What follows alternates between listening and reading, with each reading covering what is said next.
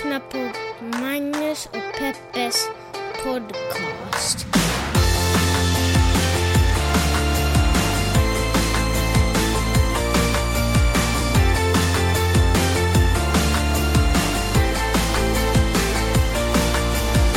Hallå internet och hjärtligt välkomna ska ni känna er till podcasten som ni betalar för att den ska existera. Den här är inte köpt av företag. Vi säger precis vad vi vill om vad vi vill för att ja, vi är inte bundna till någonting annat än till er. Så allting vi säger gör vi av lojalitet till just dig som betalar. Så med de orden skulle jag vilja tacka dig som betalar. Eh, tack för att du eh, en gång i månaden sätter in en liten slant på kontot så att vi kan upprätthålla den här podcasten. Så att det känns meningsfullt också att upprätthålla den här podcasten. Hur gör man det då Magnus? Vad kostar det? Det är jättekul att du frågar, för nu sitter ju förstås du och många andra undrar, men va? Jag betalar inte. Det här är ju naturligtvis någonting jag måste justera i mitt liv. Så det gör man så att då går man in på jeanetteotman.com eh, och sen så i högerbalken på din eh, blogg så finns det en Paypal-symbol och den klickar man på så signar man upp för en månatlig en månatlig betalning. Och det roliga är att på samma blogg fortsätter ofta diskussionen om det vi snackar om i podden. För den här podden har ju ingen egen blogg. Nej. Men den har en Facebook-sida. Ja, det har den. Eh, Magnus och Peppes podcast eh, på Facebook.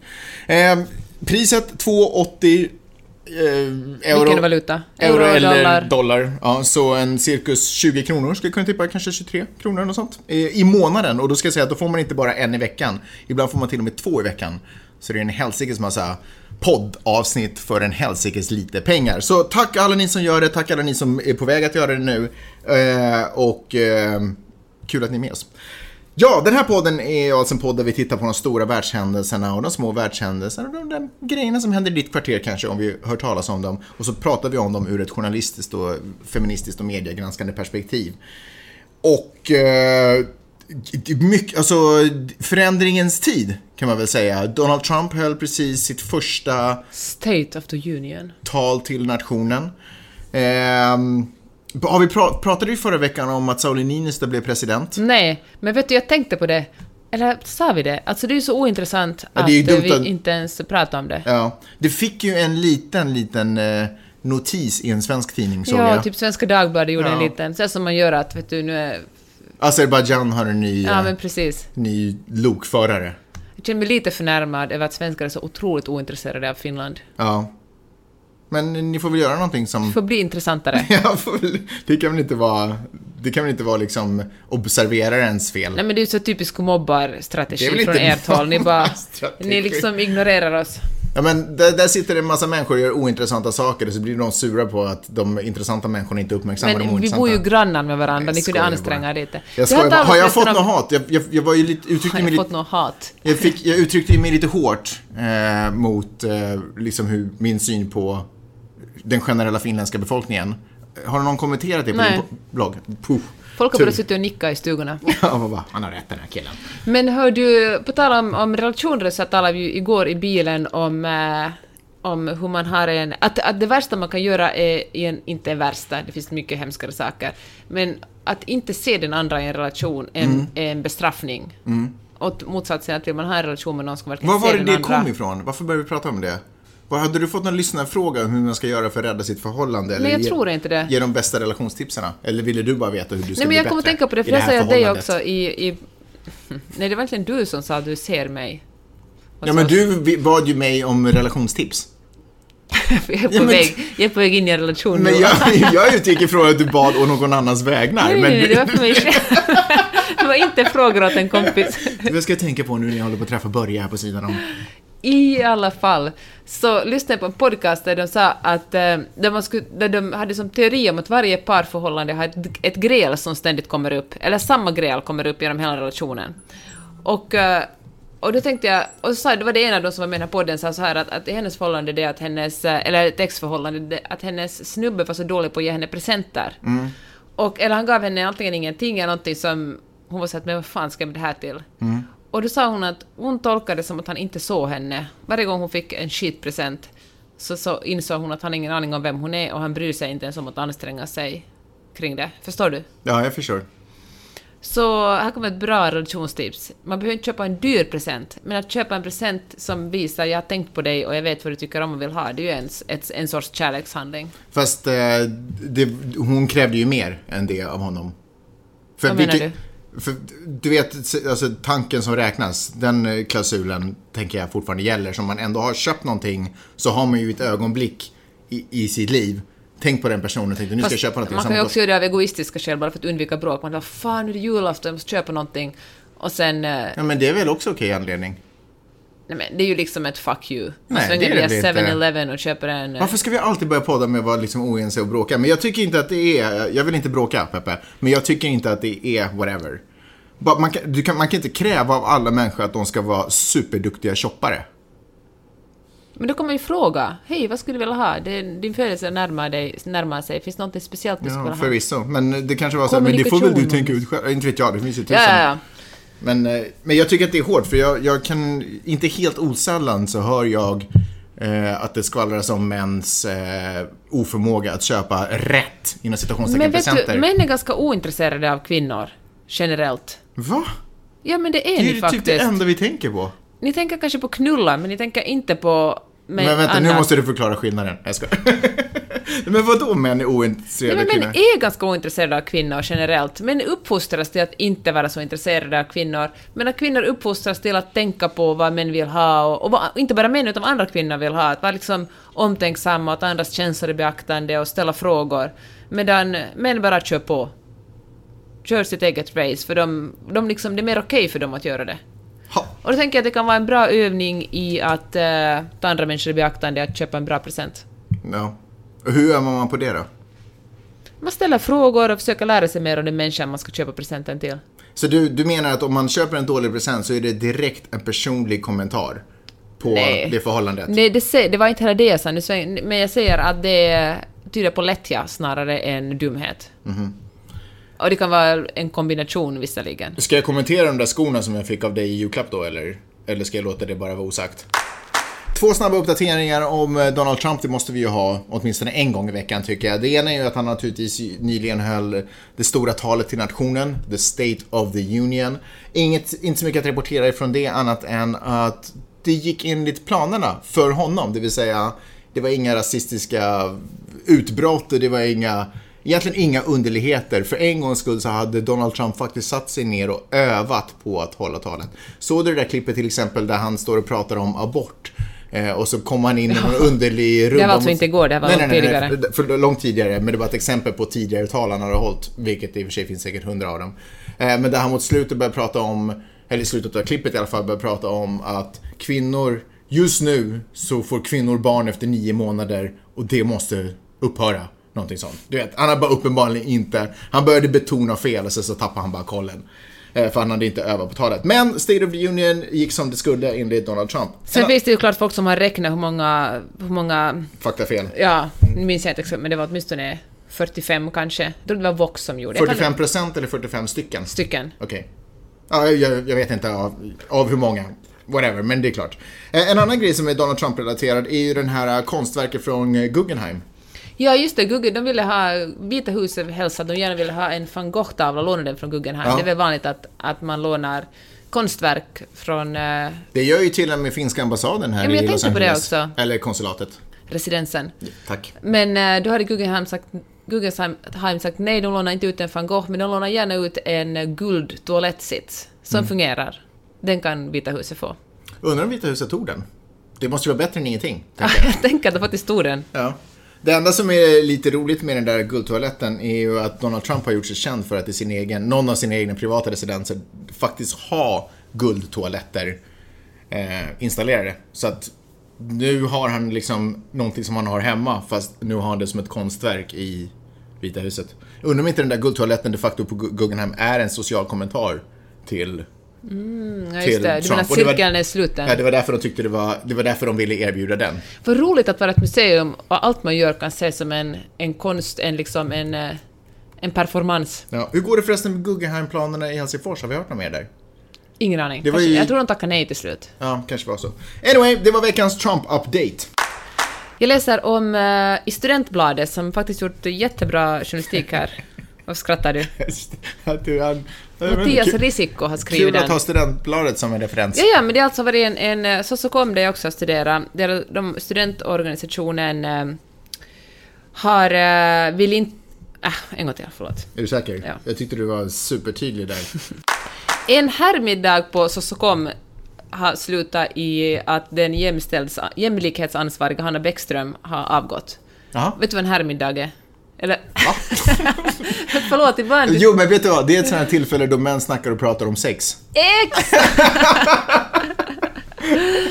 I alla fall har den här herrmiddagen ordnats och där har de varit eh, Alltså skämta, haft homo homofobiska skämt, det var någon slags konsttävling och där har någon gjort en homofobisk teckning av eh, Tom of Finland och skämtat om Vänta, har du gjort en homofobisk teckning av Tom och Finland? Ja, Hur ser en sån ut? Jag vet Och då inte. är det sådär nakna män i läder som har stora sna snasar framme, eller? Men det är väl inte homofobisk, det är väl en, en homo, älsk, homoälskande. Ah, Okej, skitsamma. Det är säkert någon som har varit kreativ. Så här står det, vinnarbidraget var en homofobisk karikatyr av Tom och Finland och innehöll skämt om AIDS. Den föreställde en, här kommer svar på din fråga. Den föreställde en muskulös man med en stor kuk som näsa. Figuren sa ”Jag har AIDS och det, är, och det är kulturellt relevant”. En bild av den lades också upp på nätet för att allmänheten att se. Och uh, Hanna Bäckström som var, som var, i, som var eh, i jämlikhetsansvarig för studentorganisationen säger att, att hon kan inte, hon avgår liksom i protest för att så här kan det inte gå till. Och uh, det som är intressant är när... uh, För det första är det ju jättesorgligt det här. Man tänker ju alltid att den, en yngre generation ska vara smartare än äldre. Jag kommer ihåg när jag studerade på universitetet så var det ju mycket... Alltså... Ja, det, det skulle kanske... Ingen skulle ska opponera sig mot sånt här. Det var mycket snuskigare tider då. Man visste inte bättre då, tänker jag. Vi borde veta bättre. Fast det, är- det är väl yngre som inte vet bättre? Eller? Nej, men jag tänker att folk måste ju vara mer upplysta nu än i början på 2000-talet. Men är det inte så att unga bara tycker om att säga fula ord? Ja, men det gör man väl när man är 13, 14, 15, Ja, inte när man är, bara, 20 år Det här är bara en äldre version av det.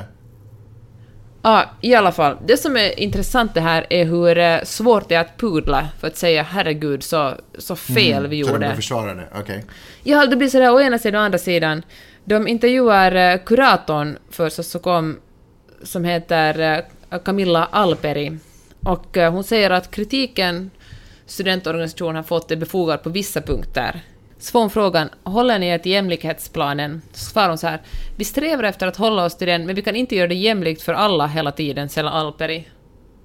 Men vi kan inte göra... Va? Vad fan, vi kan inte göra det jämlikt för alla hela tiden. Vad är det för en attityd liksom? Ett jättekonstigt... Uh, Svårt att säga, hur kan det vara så att det inte är en välkomnande atmosfär i föreningen? Vi är ledsna för att det upplevs så, vi försöker göra något åt saken. Det finns olika åsikter om saker och ting. Vad är det för ett svar? Ja, men det är ett svar från en människa som inte förstår eh, uppgiften. Sker det diskriminering inom föreningen? Inte avsiktlig diskriminering. Men Men det där är sådär som när man ger, eh, när man säger åt Vidar att men släpp glaset när du springer omkring. Så bara, nej men jag tänker inte tappa det. Nej men alltså, man planerar inte olyckor. Givetvis är det inte avsiktligt, men om man rör sig åt det här hållet så har man ju inte förstått en grundprincip, nämligen spring inte omkring med ett glas vatten. Men så fortsätter hon så här. Det är svårt att som förening dra en allmän linje om vad som är acceptabelt och inte. Vi kan inte agera åsiktspolis angående vad folk vill skämta om fast den andra ser att det så behövs. Jag menar, det tycker jag... Nej men homofobi kan väl inte vara en svår gränsdragning att dra? vad- Homofobi, rasism, Ja. sexism, det är väl otroligt enkelt. Ja, exakt. Ganska tydliga... Precis, exakt. Och då tänker jag, tänk att det ska vara så otroligt svårt att bara säga nu blev det fel, jag tar det på mitt ansvar, Vi mitt- ser över det här. Ja, vi ska, vi, det, här tar vi på, det här tar vi som en otroligt... Det här är ju en otroligt viktig fråga. Så här kommer det, det här kommer aldrig mer att ske heders, hedersord. Jag kommer att avgå om det här händer fler gånger. Ja, Men istället är man, ja, å ena sidan och å andra sidan. ja. Då känner jag att... Det är svårt, eh, vi måste respektera vad andra tycker. Och så- men- yttrandefriheten- nej, det funkar inte så. Och det, yttrandefriheten, det är inte därför vi har den, för att vi ska kunna ha, Ja. för att vi ska ha rätt och tillstånd. Tvärtom, vi har ytterhet, yttrandefriheten för att skydda minoriteter så att de inte ska behöva utstå sådana här saker, så att de ska kunna säga, nu har ni gjort fel utan att bli fängslade själva. Vänta, det blir ännu värre. Är det ett problem att det finns queer-personer och feminister som inte vill ta del av evenemangsutbudet? Svarar hon så här. Vi kämpar för att vår verksamhet ska vara välkomnande för alla. Nej, det gör ni tydligen Nej, inte. uppenbarligen inte, för ni vet ju inte, för ni tycker att det är svårt att tillfredsställa alla. Heteronormativitet är ett strukturellt problem i samhället. Det är lätt att man utgår från bara det när man ordnar evenemang. Men då måste ju, om, om, om hon tydligen är medveten om det här problemet, då måste man ju sätta i, då måste man ju engagera sig. Hur kan vi ändra på det här? Man kan ju inte säga att det är ett problem och det avspeglas Och det går oss. inte att göra någonting Ja. åt att you win some, you lose some. Ja, men det här, som jag sa, det här är en människa som inte har förstått problematiken. Som har lärt sig några eh, fraser utan till som heteronormativ och, och sådana saker. Men otroligt, jag blir, nu blir jag, ju mer jag liksom tänker på det, desto mer irriterad blir jag. Det vi kritiseras för är inte bara ett problem för studentorganisationen. Inte kan vi ju rå för vad, vad en individ gör på våra en- evenemang, vi kan bara riktlinjer. Om det sker övertramp så har styrelsen ett ansvar att agera, men man får inte glömma att alla individer har ett eget ansvar över sina handlingar. Men att bara liksom eh, skylla, liksom, det är som att hälla vatten på ett gås, att bara Ja. liksom eh, skylla ifrån sig och Ja. säga att det här har jag ingenting med Det de till exempel ganska tydligt kan göra är att de kan kliva ner och tala om för den här organisationen, eller för det här, vad det nu var, den här helgmiddagen, så här beter man sig inte, det här är inte vad vi står för och det här är inte den bild vi vill ge oss, oss själva. I den här organisationen så är alla, hjärt, alla välkomna och för att de alla ska vara välkomna så måste vi undvika, eller så håller vi inte på på det här sättet. Vi pratar inte och vi ser inte på människor på det här sättet. Det konstiga, eller jag tror, jag tycker ju inte att, jag tycker faktiskt inte att det är ett problem med en herrmiddag. Jag tycker att det ska finnas, kanske det finns någon slags nytta i så här könsseparatistiska sammankomster då och då.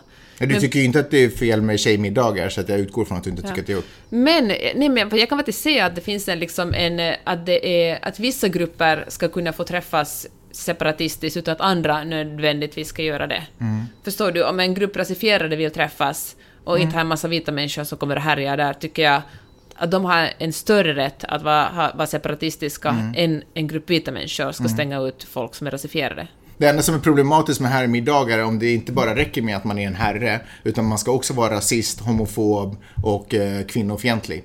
Det är ju lite, då blir det lite snävt liksom. Ja. Men då tycker jag att då kan de promota det lite tydligare så vet alla de som blir inbjudna vad det är för sorts middag de kan gå på i alla fall. Och då kan ju också studentorganisationen fundera över att är det sådana middagar de vill vara med och eh, inte vet jag, någon sponsorera eller organisera.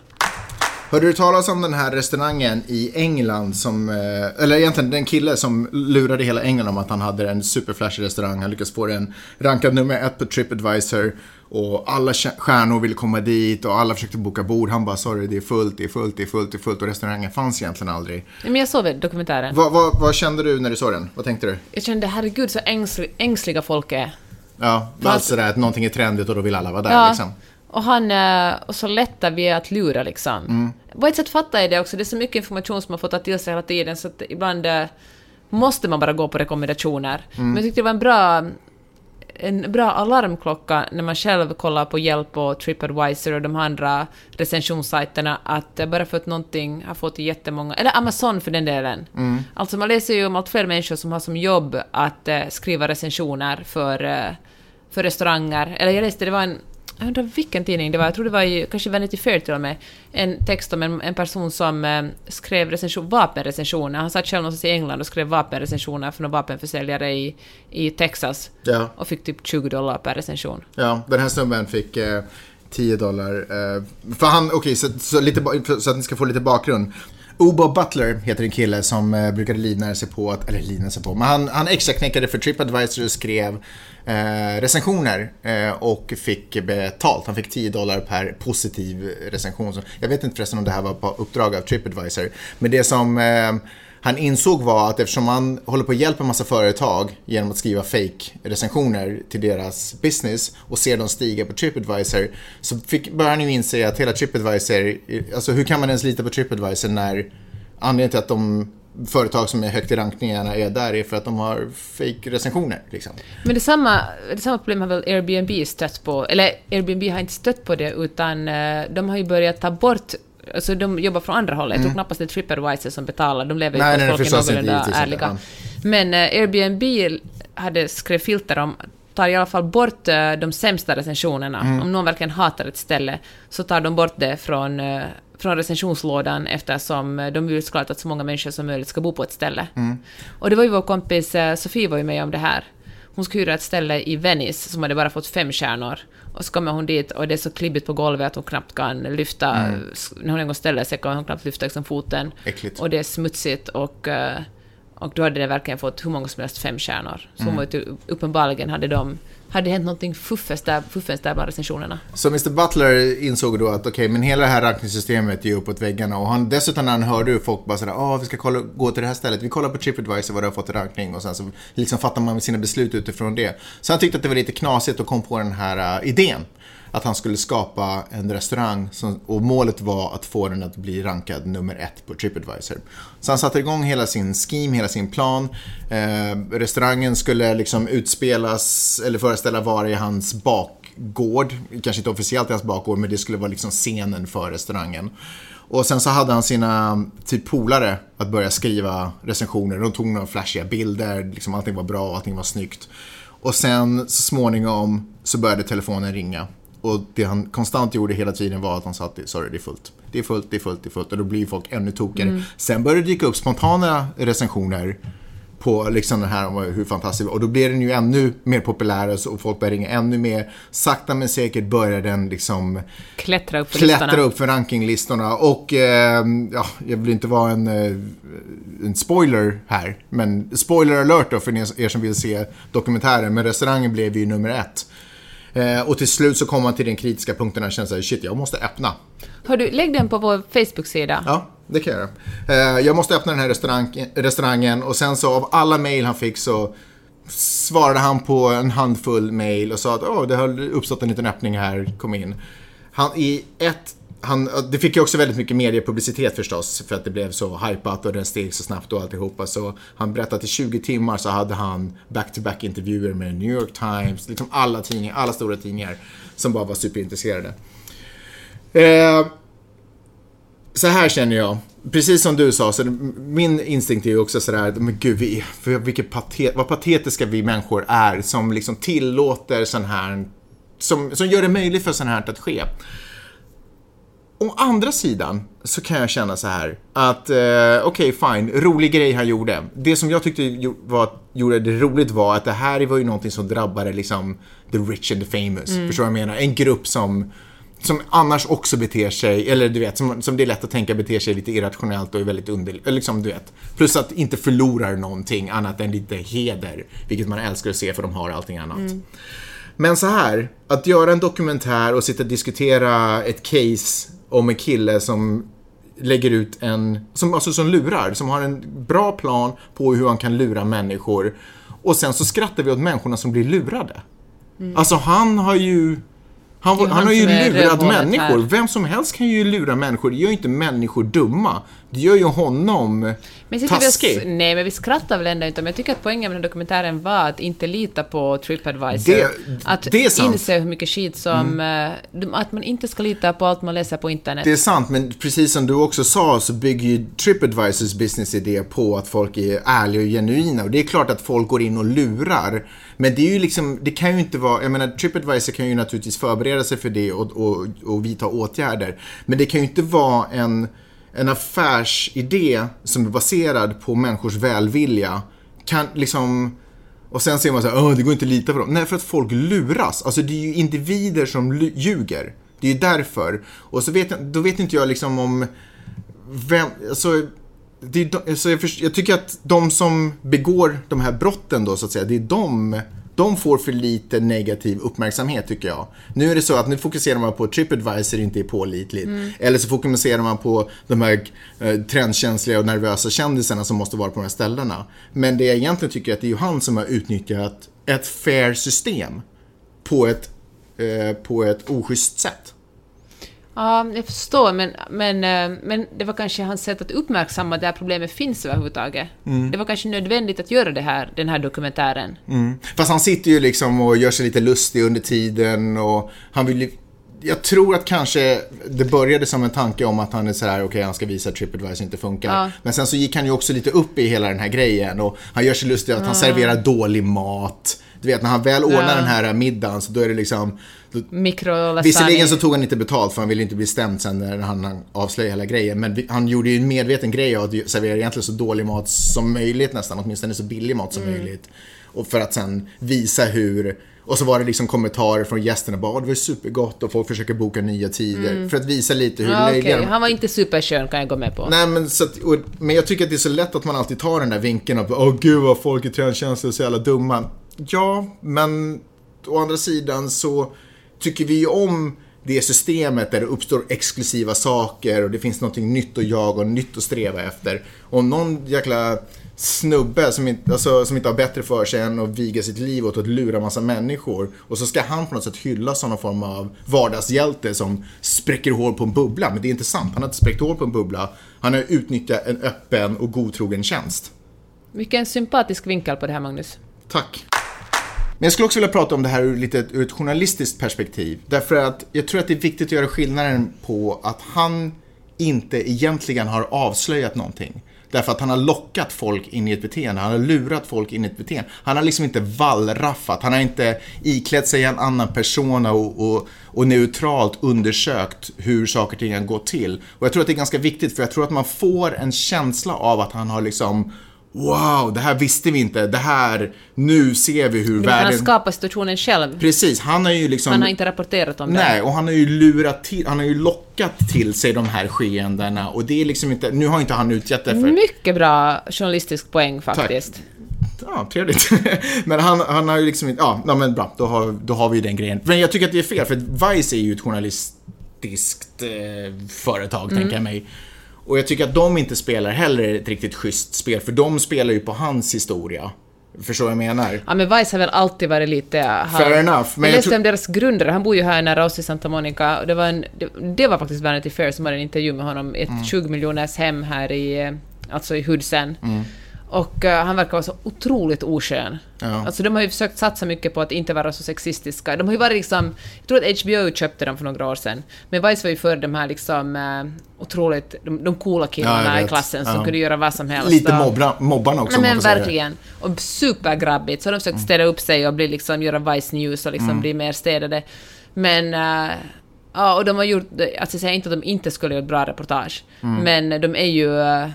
Ja, men jag vet inte om jag ska sätta, kalla dem som liksom, i journalistikens framkant precis. Nej, men- De är ju sådana som åker, de är sådär, nu gör vi ett reportage från Kabul och så skickar Mm. de två stycken 25-åringar till Kabul liksom och håller tummarna för att de ska överleva. Ja. Och det är ju det är så absurt när jag såg, jag såg någon intervju, eller någon sån här reportage gjort från, det var typ någon sån här krigszon i och för sig. Ja. Och så står, man står den här hipstertjejen där och bara, ja men alltså det var kontrasterna. Jag menar jag säger inte att hon är dålig journalist och jag har ingen minne av att det skulle vara ett dåligt reportage egentligen. Men bara kontrast, det, det bara såg väldigt corny ut. Men, eh, men jag ville bara belysa just det här. Jag tycker att här är ju till exempel exempel på där Vice inte tycker jag spelar med schyssta journalistiska kort eh, i förhållande till säkert massa andra reportage och sådana saker de gör. Ja, så det var nu det jag ville säga. Du hade någonting som anknöt till den här grejen. Nej men jag tänkte det här med, med som handlar liksom mer anknutet till Tripadvisor, man inte ska lita på vad man... eh, man ska inte lita på vad man ser på internet. Mm. Men det gäller också från eh, annonsörers sida. Breakit hade en, en, en jättebra grej om hur man kan köpa... Hur man, de, de gjorde ett sånt här test, det var en, en, en journalist där köpte följare på Instagram, jag tror att hon köpte upp till 20 000, 20 000 följare, investera uh, 5 000 spänn. Och, eh, och så gjorde hon ett träningskonto, fått allt under en helg. Tog hon liksom alla bilder som hon sen matade ut de följande månader och skrev att hon har ett träningskonto hon, eh, som heter typ running by me eller något sånt. Hon ska springa Stockholm maraton, följ mig, jättemånga hashtaggar. Och så började hon höra av sig till olika olika byråer och uh, alltså, plattformar som förmedlar, för ihop liksom annonsörer och, och uh, influencers. Och det var inte så att hon tjänade liksom hundratals dollar per inlägg, men hon kunde få liksom en 20 här, en hunka där och liksom... Och eh, ingen kollade egentligen upp det här. Och så man, kan, man, kan köpa, man kan köpa followers, och så kan man också köpa kommentarer. Hon skriver, det, är jätte, eller, det finns på Flipboard-sidan, den här texten, det är jätteintressant för att vissa av de här kommentarerna är helt... Nonsens. Ja. liksom. Uppenbart nonsens. Men det är tydligen vanliga människor som sitter och skriver dem, de är inte på något sätt eh, automatiserade. Nej. Och vissa liksom är alldeles tydliga. Och, hon sa att, men, och, och vissa av de här pro, liksom, profilerna är också liksom XOK203. Vissa är liksom inga riktiga människor som aldrig har upp oss. Men att, men att Instagram, Instagram säger ju att det är förbjudet att, eh, att köpa och sälja följare och kommentarer och att de har stenkoll på det, men de har de ju inte. Hon liksom, alla hennes följare är, var fake. Eller sen började det komma haka på några äkta också, men liksom majoriteten var fake.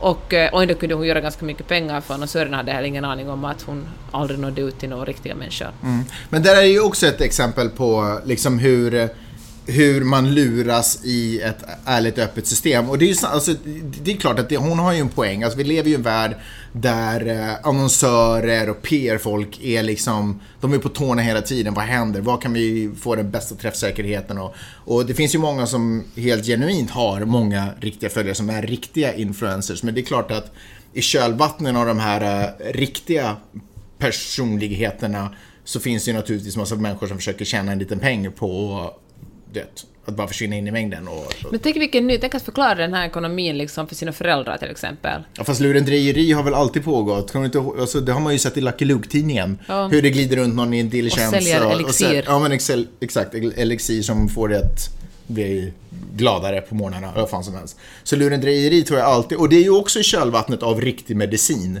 Liksom. Så att jag tror att det är svårt att komma undan, men jag tycker att det är liksom jag tycker inte att de här bevisar någonting egentligen. Det bevisar bara att det alltid finns oärliga människor. Det tycker jag är det enda det egentligen bevisar. Och förvisso så är det ju nog en liten näsbränna åt företag att liksom kanske inte kastas ut på vad som helst utan göra sin research.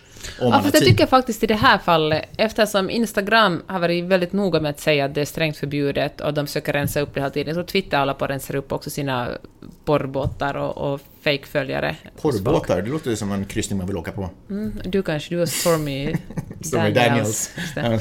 Men, eh, men jag tycker verkligen att det var ett... ett eh, Okej, hon lurades också, men hon gjorde också för att hon kontaktade hela tiden Instagram, hon kontaktade de här företagen och så... Ja. Ja, Så hon ljög ju rakt upp och ner. ja gjorde hon hade gjort en liten investering. Hon hade ju köpt ett litet eh, elixir och sen så åkte hon och sa att det här är det bästa som finns. Ge mig pengar. Så hon är ju, hon, hon är ju, lurar ju.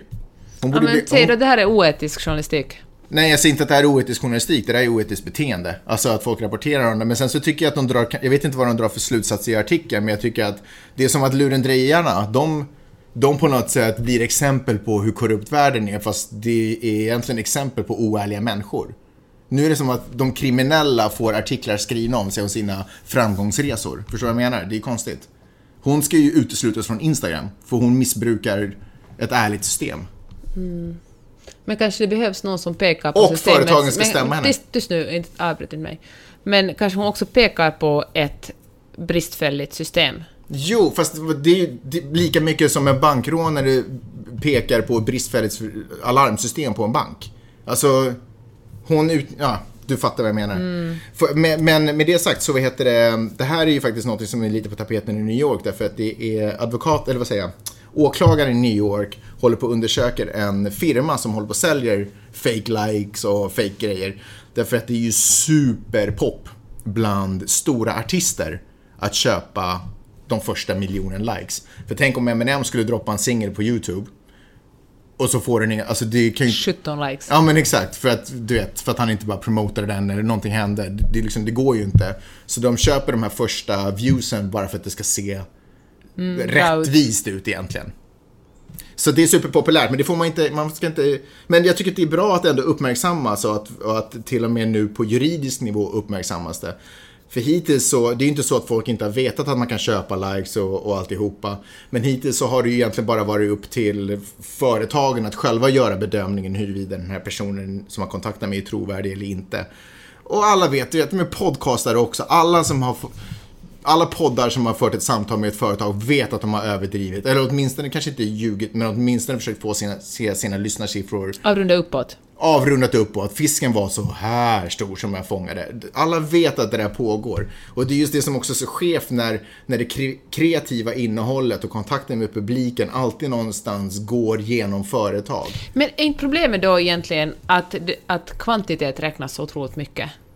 Ja, speciellt som, Borde inte, inte speciellt som inte har verktyg att bedöma kvantiteten. Men borde det inte vara intressantare då med att verkligen se hur många som riktiga människor som är Exakt. intresserade? Så, så ser jag ju på det också. Det tar ju i och för sig inte bort den här effekten av att man kan köpa följare, för det skulle då vara på något sätt de riktiga människorna. Men, eh, men det där är någonting som alla de här tjänsterna måste bli bättre på, att helt enkelt, men framförallt så tycker jag att man kan ju börja jag menar inte att de behöver åka i fängelse, men man kan åtminstone börja identifiera den kriminella i det här fallet. Det kan ju inte vara Instagram som är den kriminella. De har ju satt upp riktlinjer för att man inte får fuska. Och Ja, folk- men sen kan de ju också vara noggrannare med att eh, de måste, det måste ju finnas sätt att kolla. De, de ser ju också säkert hellre att de har så och så många Men det gör de miljoner säkert. eh, aktiva, men aktiva användare Ja. istället för att börja rensa bort. Liksom. Jag tror att de är lite slarvigare med att rensa bort fake-konton innan de ska meddela hur många Men det är kunder kanske de inte har. en superstor prioritet, men jag tycker ändå att det är ju inte, alla vet ju att det inte är spelreglerna för det. Det är som att ha en, en eh, ja, men man får inte gå mot gröd, röd gubbe heller, men det gör man ju tills man åker fast. Liksom. Eller nu får man väl i och för sig göra det när jag tänker efter. Men jag bara menar att vissa, vi kan inte ha, alltså, ja, vi kan ha ett, sys- ett system, ett samhälle där minsta lilla regel bevakas av polis eller kameror. Eller så kan man säga så här, snälla, kan vi göra så här? Fast det är en att annan den här sak. tjänsten behandlar vi schysst och rent så att alla, så många som möjligt kan använda den. Ja, ja, men jag tycker i alla fall att de här techbolagen kunde säkert ha de tekniska möjligheterna att... Uh, Återigen, det kommer ner till det där. Du tycker att ansvaret ligger på företag, jag tycker att ansvaret ligger på användare. Vi kan, jag tycker att alla de här problemen skulle vara lösta om folk slutar bete sig kriminellt. Ja, men jag tror också att det behövs en lagstiftning för att styra människor. Till exempel, om eh, någon slutet 70-talet så beslöt sig Sverige för att det ska vara kriminellt att slå barn. Folk slutar slå barn då. I mycket högre grad än förr. Förstår du? Jag tycker det finns liksom... Eh, Ja, men den lagen hade ju inte kommit till stånd om det inte var så att folk började vara så här, du, det här med att slå barn, det känns inte som en bra grej. inte majoriteten. Majoriteten. Det var kanske, nej, det var kanske en politiker som kom på det sådär det här är faktiskt inte okej. och Men drog tror du på det själv eller? Såklart tror jag. Det finns massa saker som har kommit. Folk gör ju som folk har gjort förut. Ja, okej, jag kan kompromissa på ett givande och tagande. Men jag tycker inte att bara för att man inte, bara för att man inte åker fast när man beter sig kriminellt så tycker inte jag att det är en ursäkt. Nej, det, säger, det är inte alls det jag säger, Nej, men jag tycker att både stater och företag har ansvar. Jag tror att du bara försvarar det här för att du själv har köpt alla dina likes på Insta. Hörru, ska vi snacka om SVT, inom citationstecken, profilen. Eh, nyhetsankaret som har blivit ertappad med att onanera eh, på offentliga platser. Och det, eller ertappad, han har ju till och med han har ju velat bli ertappad. Han har ju laddat upp de här på, vad han nu har laddat upp Instagram, dem. tror jag. På internet i alla fall. På Instagram? Kan man göra sånt? Det får väl inte finnas sexuell content på Instagram? Ja, det var det jag läste någonstans. Ja, men jag skitsamma. Men eh, min, det jag skulle komma till är ju att han är ju avstängd från sitt jobb. Får man inte onanera om man har jobb? Varför, varför, varför har han blivit avstängd för?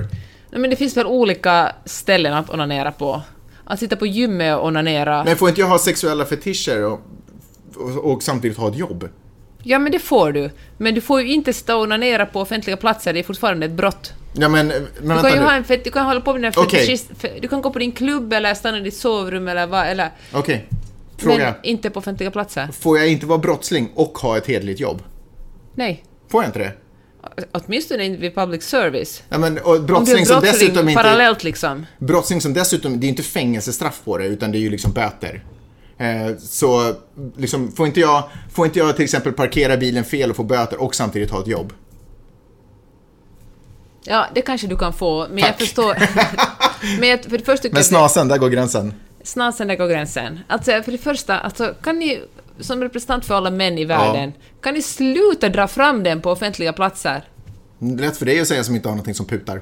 Nej, men jag har faktiskt inga intresse av att visa min, mitt underliv för resten av världen. Nej.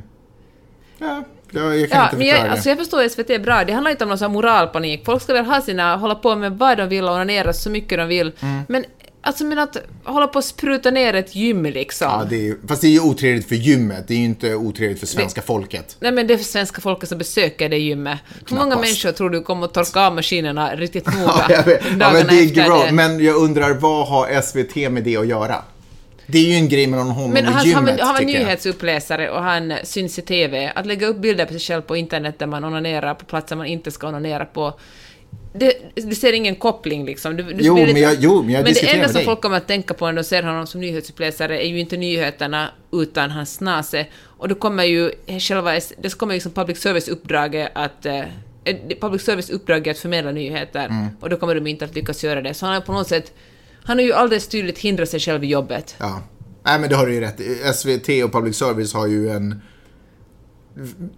i brist på jag tror, en image att upprätthålla om människor som, alltså människor som jobbar där måste ju ha någon form av eh, hög, inte högre moral, men... Däremot säger jag inte att de ska vara, tvärtom tycker jag, det har ju benämnt som profilen, men alltså en profil ska, om man går, är riktigt krass gällande public Men han är service, så här är det ju lokal- inte deras jobb att skapa profiler, utan deras jobb är ju Ja. att förmedla nyheter och kanske eventuellt någon slags samhällsuppbyggelig underhållning då och då. Mm. Fair enough. Nu är ju, tror jag profilen är ju mer vad andra medier har kallat honom för. För att det är ju ingen som bryr sig om den här typen. För han var ju bara nyhetsuppläsare på, du vet, så här Jämtlands eh, lokal tv-station. Så att han är ju inte känd i hela Sverige. Men, men det är klart. Nu är han det. Ja, men hur ska Aftonbladet kunna skriva om det här om de inte A, gör honom till liksom en profil? Eh, För annars är det ju ingen, annars är det bara så här lokal runkare har fått sparken från, från, sin, från sin huvudman i Stockholm. Ja, men- det är liksom, Men då... om- men, det är ingen som bryr sig om det sitter en kille i Kalmar, eller så här, en by utanför Kalmar och, och pillar på snoppen. Det är ju ingen fan som bryr sig om det. men å det är ju inte riktigt ärlig journalistik av Aftonbladet då heller. Nej, men det behöver ju inte. liksom inte... Men det är ju på- det här är ju ja. sensationen. Men, Ja. eh, men ändå. Varför är det så roligt att säga runkare och prutta? Varje gång jag ska ge ett barn en tillsägelse att inte prutta Ja, men jag hoppas inte du håller på och pratar om runkare med honom. Nej, det gör jag inte. Nej, Men då börjar jag skratta och det är jättesvårt att framföra en reprimand när man skrattar. Jag tror så här, han har jobbat, om jag förstått hela, hela rätt så har han jobbat ett tag på SVT. Jag tror att han bara var trött på jobbet. Han vill liksom gå, sticka med en, Ja. En, eh, Han hade säkert pitchat... sprut. Han hade säkert, det här är ju det fantastiska med den nya teknologin, att han hade säkert pitchat den här idén för SVT, men de har bara inte tyckt att det var bra tv-underhållning. Men med sociala medier så kan man göra vilken tv man vill. Så nu, han, nu kan han ju ägna sig åt den karriären istället, tänker jag. Tänk att vara känd som den personen. Det är garanterat en skönare arbets... Han har ju säkert skönare arbets... eh, Vad ska jag säga? Uppgifter. Än vad han hade tidigare. Kära vänner, tack för att ni har lyssnat på oss också den här veckan. Vi återkommer med ett nytt avsnitt på fredagen som vanligt. Det stämmer, det ska bli roligt. Och hörni, eh, tack för att ni tipsar oss om, om oss i sociala medier och följ gärna vår Facebook-sida, Magnus Peppes podcast heter den, där lägger vi upp roliga klipp och jox. Hejdå! bra. Hej!